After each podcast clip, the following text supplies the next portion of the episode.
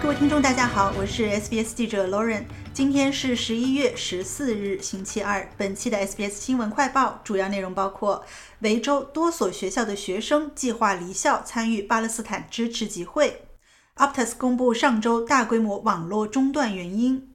租金负担能力指数显示全国租房危机日益恶化。巴勒斯坦支持集会的组织者墨尔本自由巴勒斯坦组织鼓励维多利亚州的学生在下周的午餐时间离校参与集会。维州州长杰辛塔·艾伦表示，他期望学生们在十一月二十三日继续上课，但并没有明确表示政府应该指示学校不批准请假或阻止集会举行。与此同时，人们在中东军事冲突是否使澳大利亚变得不太安全这一问题上存在分歧。在九号网络旗下报纸发表的一项民意调查当中，有百分之三十六的澳大利亚人认为澳大利亚变得不太安全了，百分之三十二的人持相反意见，还有百分之三十二的人则表示不确定。艾伦州长为维州学生抗议这场冲突的权利辩护，表示他不想干涉澳大利亚民主的基本原则。维州教育厅长本·卡罗尔则表示，对于任何选择参加此次抗议活动的学生的惩罚将由学校自行决定。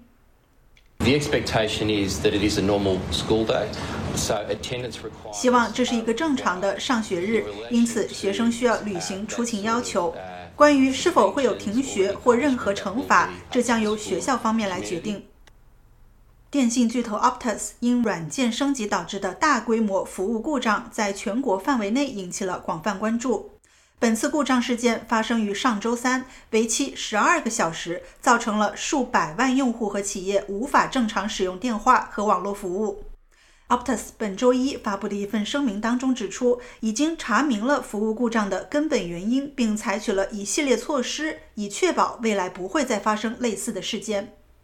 声明当中提到，上周三凌晨，Optus 网络在一次例行的软件升级当中受到了路由信息的更改，导致关键路由器处理异常，触发了自我保护机制，引发了本次事故。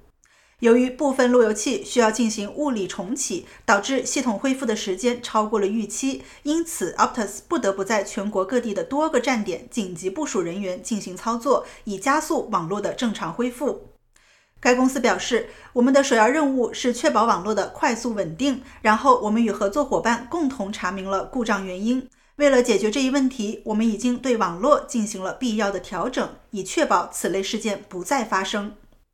值得注意的是，在服务故障初期，有关软件更新引发问题的传闻曾引起热议，但 Optus 首席执行官罗斯马林曾在接受采访时予以否认，称系统实际上非常稳定。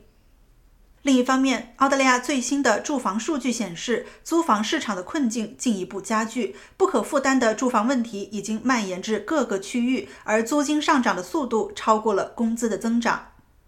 近期的租金负担能力指数显示，在过去的十二个月里，租房可负担性在除了堪培拉和霍巴特之外的每一个城市都出现了下降。在对收入和租金价格进行比较时，昆士兰地区如今是澳大利亚租金最不可负担的地方。澳大利亚绿党领袖亚当·班特表示，不受限制的租金上涨是问题的重要组成部分。People are at breaking point. 人们已经到了崩溃的边缘，而工党的租房危机正在不断加剧。人们再也无法负担得起住在他们工作、学习或家人的附近，而工党支持不受限制的租金上涨，这正将人们推向崩溃的边缘。感谢收听本期的 SBS 新闻快报，在任何的播客平台订阅 SBS 新闻快报，开启消息提醒，即可随时随地了解澳洲国内外新闻及社区资讯啦。